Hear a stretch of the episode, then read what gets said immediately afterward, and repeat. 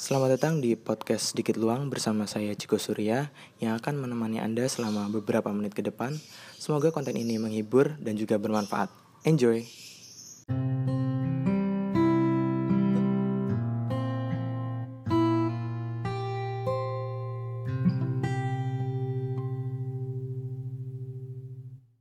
Langsung saja kita berbincang-bincang dengan salah satu bintang tamu kita yaitu Rahmat Sukron Ardi Dayat.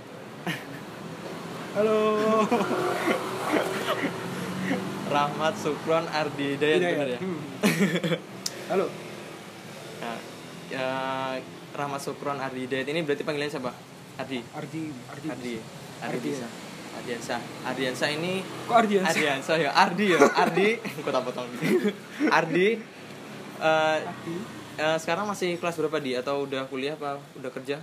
Hampir mendekati kuliah. Hampir 50-50. hampir mendekati kuliah berarti masih sekolah kelas Kelas 3 tapi udah ujian. ada ujian. Eh, Ardi ini adalah salah satu perwakilan dari Bojonegoro yang berangkat untuk mewakili Bojonegoro di parlemen remaja. Di Jawa Timur lebih tepat. Oh di Jawa Timur. Jadi di Jawa Timur itu eh, seleksinya gimana? Maksudnya eh, dari ribuan ya berapa orang?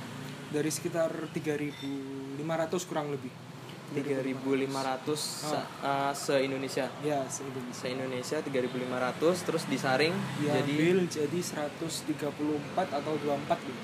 134. Ya, 134. Itu yang se se eh, se Indonesia ya. Ya, Dari Jawa Timur sendiri itu yang yang berangkat ada berapa? Jawa Timur kebetulan seangkatanku yang dari Jawa Timur itu ada 11. ada 11 11 orang yang di Jawa Timur dan Bojonegoro cuma kamu aja. Satu. oh cuma satu. Cuma Ardi aja yang berangkat dari Bojonegoro. Eh, kalau boleh tahu sebelum kita bahas lebih dalam itu parlemen remaja itu apa sih? Kan soalnya kalau aku sendiri itu gimana ya? Kalau aku sendiri malah baru tahu malah denger ini. Nggak tahu lagi kalau teman-teman yang lain kalau parlemen remaja itu apa sih Kalau dari parlemen remaja sendiri sih eh, dia itu ya hampir sama. Ya bukan hampir sama sih ya sama kayak parlemen parlemen pada umumnya cuma ya ada tambahnya remaja remaja. Hmm, Ya gitu.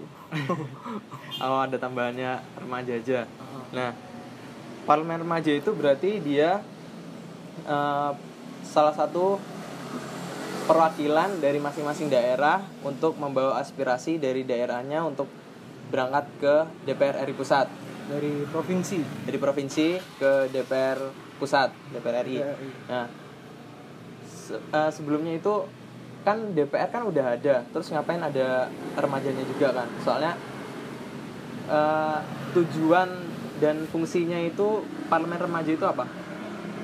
Kalau dari tujuan dan fungsi mungkin eh, tadi Mas Ciko tanya kalau seumpama emang di DPR itu kan udah ada kan. Hmm. Cuma ya di sini mungkin dari DPR pun juga ingin cari mereka yang memiliki kemampuan, memiliki apa ya, yang eh, mungkin memiliki aspirasi dari masyarakat yang benar-benar sehingga eh, DPR ini terbuka dan kalau pola pikirnya itu nggak hanya hanya apa ya dari mereka-mereka saja tapi juga dari anak-anak muda dari mereka-mereka yang mungkin mungkin memiliki kreativitas lebih dari yang lainnya gitu. Jadi kan kalau seumpama ada parlemen remaja ini mungkin bisa menambah aspirasi bisa menambah ya apa pun itu.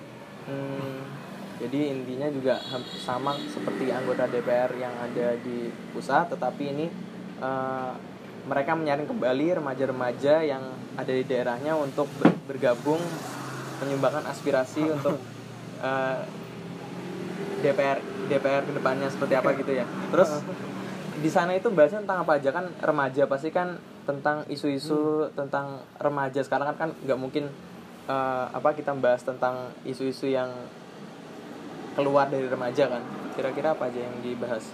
Kalau sebenarnya di situ parlemen remaja itu hanya cuman cakupan umurnya aja mas. Jadi kalau seumpama temanya itu udah beda lagi Eh, kalau dari temanya pembahasan di sana ya temanya pembahasan yang undang-undangnya tapi kalau yang remajanya itu buat seleksinya aja kan disuruh buat kayak karya tulis gitu kan Hmm. itu baru ada isinya remaja tapi kalau sama di sananya ya kita bahasnya tentang undang-undang yang benar-benar berlaku di sana gitu. yang benar-benar berlaku di Republik Indonesia ini gitu.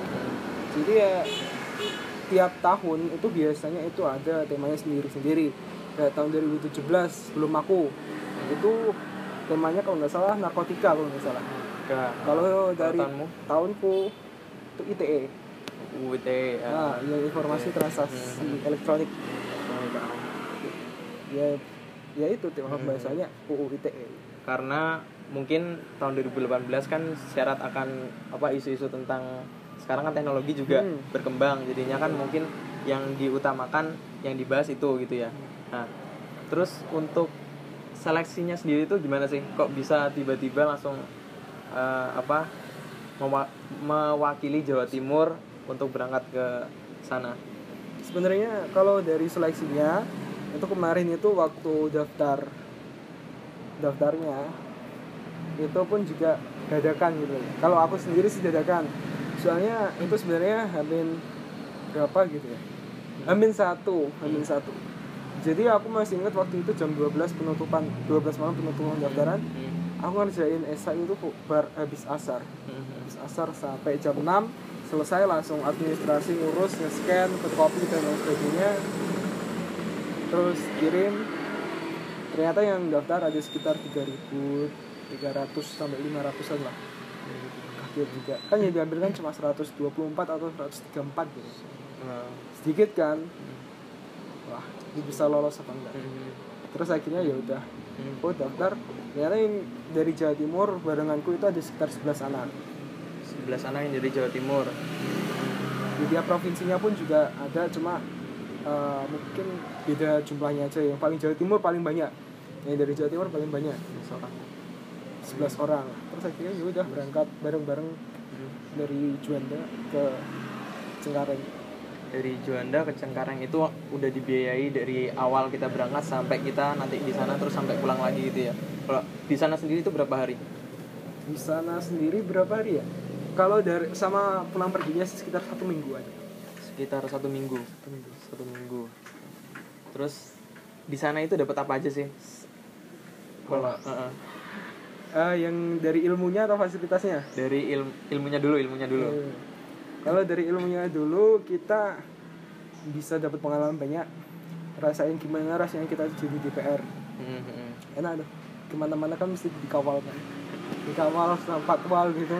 Jadi anti macet lah. di macet Kunjungan ke Diutamakan ke- gitu ya. kunjungan ke BSSN, Hmm. Cyber Dasa di Negara. Sana terus habis itu eh ya pengalamannya banyak banget sih.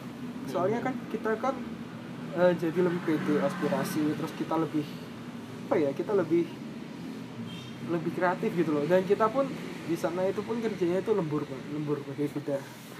Udah maksudnya Iya, lembur soal- kurang tidur Ah, gitu ya? kan soalnya itu kan di sana bener-bener kayak DPR Hmm, hmm. jadi kita dibagi fraksi partai apa partai apa. Hmm, kebetulan aku jadi fraksi partai Singasari. Hmm, hmm. namanya Singasari. Hmm, hmm. habis itu habis jadi satu di sana kita ya rapat terus kerjanya rapat dengerin Mhm. materi Mhm. rapat gitu Hmm, bosen sih sebenarnya tapi ya hmm. dengan fasilitas yang ditunjang Hmm. sangat tidak membosankan kan ya tahu sendirilah kursi empuk DPR terus meja fasilitasnya Oke. jadi udah ngerasain gimana jadi anggota DPR yang Hmm. sebenarnya gitu ya terus kalau dari segi fasilitasnya dapat apa aja sih kalau biasanya DPR kan soalnya Hmm. identik dengan fasilitas yang apa sangat uh, memadai gitu kan Eh, sebenarnya aku berani ngata, mengatakan kalau seumpama penyelenggaraannya parlemen pajak ini mungkin 1 m lebih lah 1 m lebih satu setengah bahkan banyak banyak sekali soalnya pengeluarannya kan Mhm. ada mereka yang dari Papua Mhm. naik pesawat ke sini udah 2 juta Mhm. terus dari Aceh kan kebetulan masih deket Surabaya. Surabaya pun kita dapat tiketnya 700-an lah. Nah, kalau menurut aku sih dari fasilitasnya kita di sana kan pertama sampai di bandara kita dijemput ke Bogor dari Cengkareng ke Bogor itu di wismanya DPR kayak vilanya DPR di puncak lah ya Hmm. sana itu kan fasilitasnya banyak ada meja pingpong kolam renang golf banyak lah semuanya ada terpenuhi gitu Hmm. terus habis itu tiap empat orang dapat satu rumah kan villa kan Hmm. satu Villa. rumah ya ternyata wah fasilitasnya DPR itu keren-keren juga ya jadi kalau tempat makan tempat makannya itu udah canggih gitu udah tombol-tombol gitu kan kalau aku kan orang desa gitu kan ya, Nah, nyobain nyobain katrok.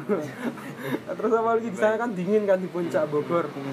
Terus sama makannya itu pun disesuaiin jadi bukan prasmanan tapi kota ya. Tapi kotaannya itu benar-benar kotaan yang kayak mewah gitu loh. Jadi di sana itu ada empat sehat lima sempurna lah. Hmm. ya kan? Itu semua itu ada. Dan di sana pun kalau selama nggak suka ayam dikasih telur. Hmm. Nggak suka telur dikasih ayam sebaliknya gitu. Tapi dimasukkan semua gitu loh. Jadi nggak nggak biar kita yang milih yang nggak mau ya disingkirkan. Kalau mau ya dimakan. Hmm, berarti sesuai sama seleranya. Mungkin ada orang yang alergi ayam atau alergi telur gitu ya. berarti dengan fasilitas-fasilitas tersebut sangat dimanjakan sekali ya. Apa maksudnya? Sangat disupport sekali buat eh, buat parlemen remaja ini. Udah ya intinya juga kayak simulasi gimana caranya jadi DPR ya pokok kalau makannya itu kalau diuangkan itu misalnya kayak eh, pernah itu malamnya yang dijadikan patokan harga buat makanannya itu sekitar waktu makan malam karena udah malam kan Hmm. akhirnya makannya sama ayam KFC sama ayam KFC ayam KFC tapi dua porsi oke. Jadi satu orang dapat dua porsi. Dua porsi ya. Itu buat makan malam aja sih. Balik-balik ke sini langsung berisi gini Wah. gitu ya. Jangan ditanya. Ya, jadi harga patokannya makanya se- segitulah. Hmm. dua porsi KFC dua porsi itu untuk KFC satu orang. Paling enggak eh, untuk makan malam dua porsi KFC untuk siangnya juga hampir sama seperti itu budgetnya. Jadi kalau misalnya kalian pengen tahu budgetnya seperti apa hitung aja dua ayam KFC itu satu malam. Itu belum pagi sama siangnya sih. Kalau juga. Terus sih. Jadi untuk fasilitasnya eh, gitu ya. Fasilitas sama apa sama dia dapat ilmunya itu seperti itu. Terus nah ini yang pengen tak tanyain. Kalau misalkan dulu zamanku beberapa tahun dulu waktu SMA itu kan anak-anaknya kan masih mungkin masih sedikit yang tahu tentang politik atau yang berminat untuk eh, masuk ke politik kan. Nah ini dulu mungkin teman-temanku masih suka buat mainan bermain segala macam. Mungkin ada yang cita-citanya uh, kalau nggak jadi dokter terus jadi polisi terus jadi uh, tentara terus banyak lagi. Ah. lah sangat jarang orang itu pengen belajar tentang politik. Lah kenapa kamu sangat pengen buat belajar tentang politik tuh kenapa minat? Kenapa ya kalau minat politik? Itu sebenarnya dari SMA aja sih. Dulu SMP pun cita-cita pun juga masih ya kayak biasalah kayak anak-anak lainnya yang masih belum tahu dunia perkuliahan ada banyak sekali jurusan gitu kan. Cita-citanya masih pilot Mhm. nakoda dan lain sebagainya. Terus SMA kenapa ya? Soalnya eh pertama kali li, eh, ikut-ikut politik itu kelihatannya kok seru gitu. Bahas politik itu kok kelihatannya Mhm. seru dan kebetulan udah dapet channel udah channel politik. Wah ini kalau seumpama nggak ditekuni eman-eman bahasanya kalau bahasa Jawa sia-sia. Sia-sia. Ah, kan jadi ya udahlah sekalian terjun ya terjun aja. Cuma ya sekarang kan masih baru sekolah. Jadi ya sekedar mengawasi lah masih saya pantau gitu saya pantau dari jauh gitu. saya pantau nggak di kan kalau ya. sama kan kalau sama kuliah kan nggak boleh ikut partai politik kan Wah, SMA masih belum boleh kan persyaratan buat masuk ke apa eh, DPR atau DPRD kan itu umur 21 Ah. dan juga dia eh, pokoknya intinya umur 21 gitu kan 21. Eh, jadi untuk saat ini masih belajar aja ya buat mempersiapkan nanti gitu kan. Terus masih lihat kondisi ya? masih lihat kondisi. Nah ada nggak sih latar belakang keluarga di politik? Nggak ada sama sekali. Nggak ada sama sekali. Kan biasanya kan kalau orang-orang pengen terjun misalkan pengen Iya. jadi polisi melihat bapaknya mungkin jadi polisi terus dokter mungkin ada orang tuanya yang udah jadi dokter gitu. Kalau Adi sendiri nggak ada berarti? Nggak ada. Ya saya pendidikan ibu saya kesehatan. Kakak saya semua kesehatan semua. Dulu Adi sendiri yang itu sebenarnya malah ya? sulit sih ya kan? Mhm, kita kan berarti mulainya dari nol. Dari nol. Kalau yang ada itu temen aku yang Hmm. dia anak DPR juga anak wakil ketua komisi Mhm, di DPR itu. Mhm. ih ternyata anaknya DPR itu enak ya. Kalau DPR apa kalau ayahnya kerja ke luar negeri gimana? Diajak terus. Wah ternyata enak juga. Eh, terus akhirnya ya itu akhirnya aku apa memulai dari nol banyak kenalan kenalan sama orang. mhm. Jadi mulai dari nol ya kalau misalkan kalau misalkan ada keluarganya yang udah masuk ke politik mungkin kan dia bisa belajar banyak dari situ kan. Pasti lebih gampang. Kalau Andi sendiri emang memulainya dari nol. Dari dari nol apa keluar belum ada latar belakang keluarga yang masuk di politik ya. Terus tujuannya setelah ikut parlemen remaja ini ke depannya apa? Mau nyalek kah? Mau masuk DPRD atau gimana? Mungkin mau terjun ke dunia politik setelah ini. Kalau seumpama eh ya kan saya masih SMA nih. Saya mau kuliah dulu oke gitu di jurusan? Ekonomi. Jurusan ekonomi. Kenapa nggak ngambil jurusan sospol gitu? Soalnya jurusanku IPA sebenarnya. Nah, ekonomi itu kan yang ekonominya IPB, IPB hmm, Bogor ya, itu kan IPA nah, jadi ya gue adalah ingin masuk IPB di jurusan ekonomi Oke oke. Nah, pesan eh bahasa apa lagi ya? bahas apa lagi ayo Dikatain kota. Iku sem lagu kan? Sem lagu ya? Sem lagu kan? Sem lagu. Se se abang, se abang. Oh iya. Oke. Wes ayo di. Ayo di.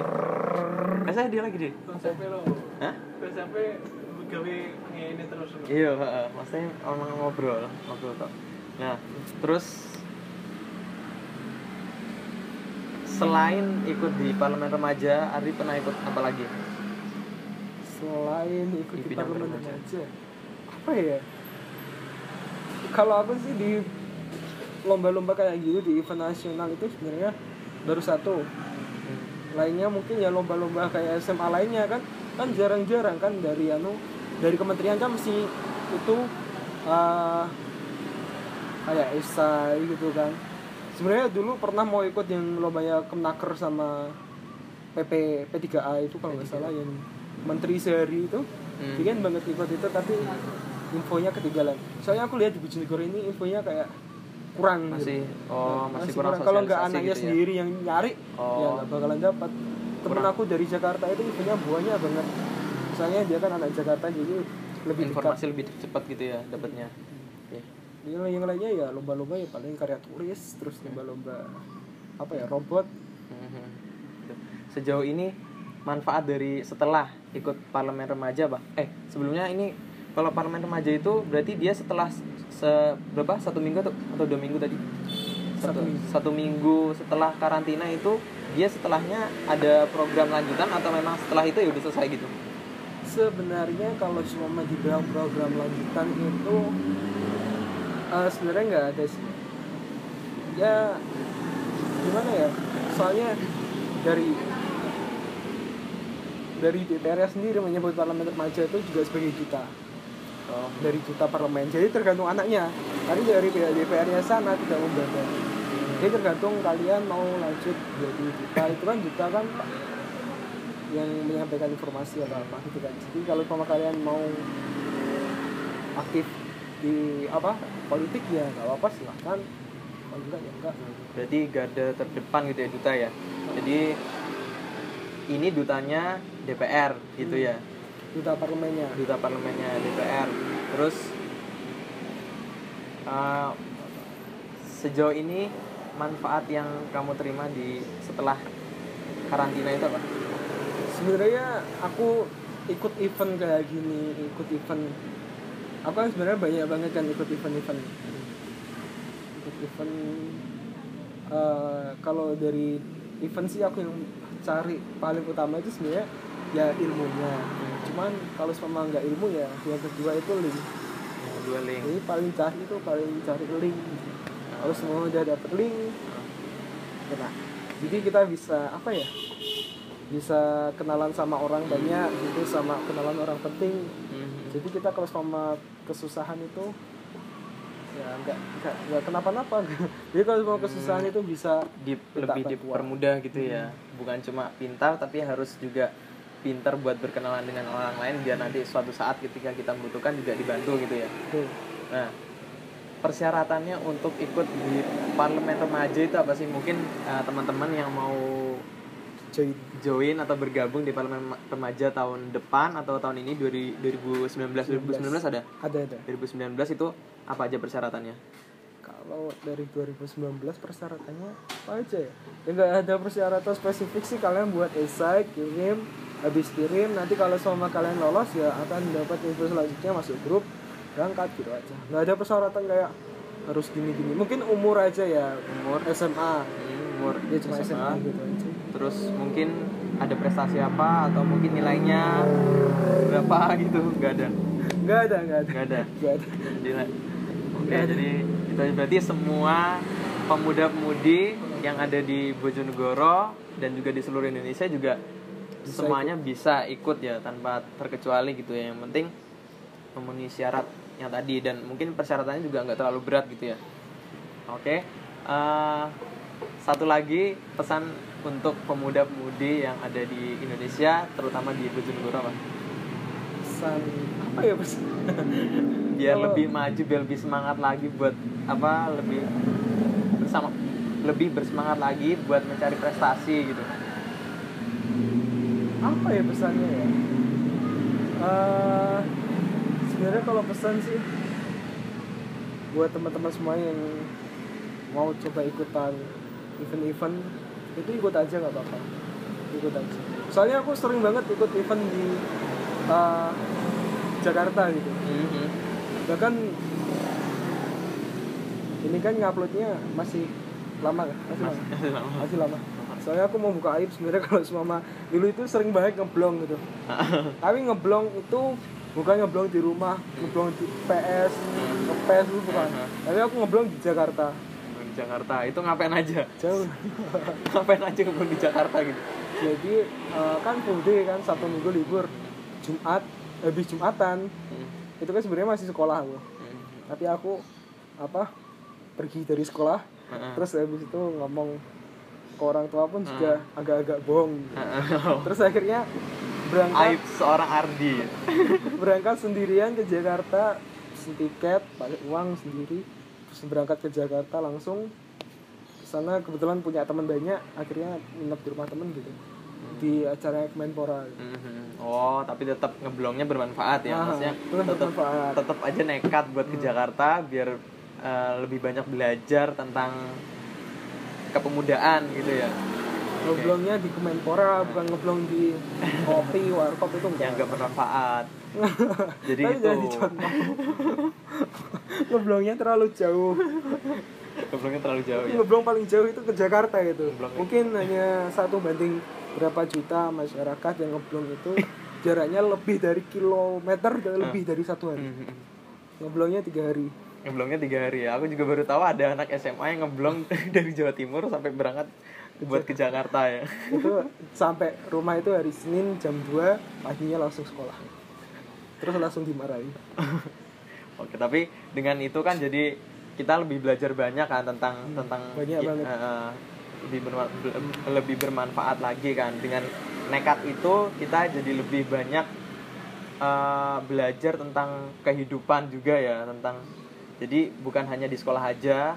Nah itu yang mem- eh, yang membuat Ardi berhasil gitu kan. Tapi jangan dicontoh tentang eh, ngeblong atau bolosnya tetapi eh, berani untuk melakukan sesuatu yang orang lain nggak belum melakukannya gitu ya. Nah itu pesan saya.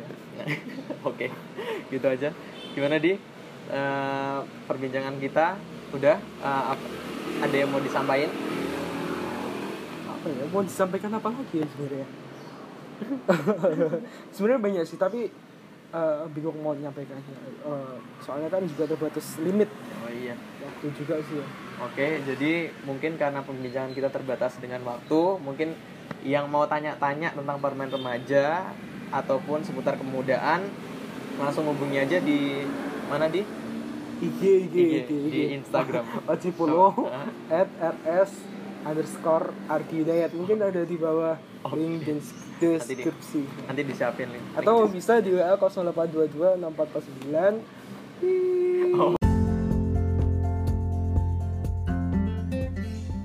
Terima kasih untuk yang telah mendengarkan sampai sejauh ini. Sampai jumpa di podcast episode selanjutnya. Semoga bermanfaat dan semoga menghibur.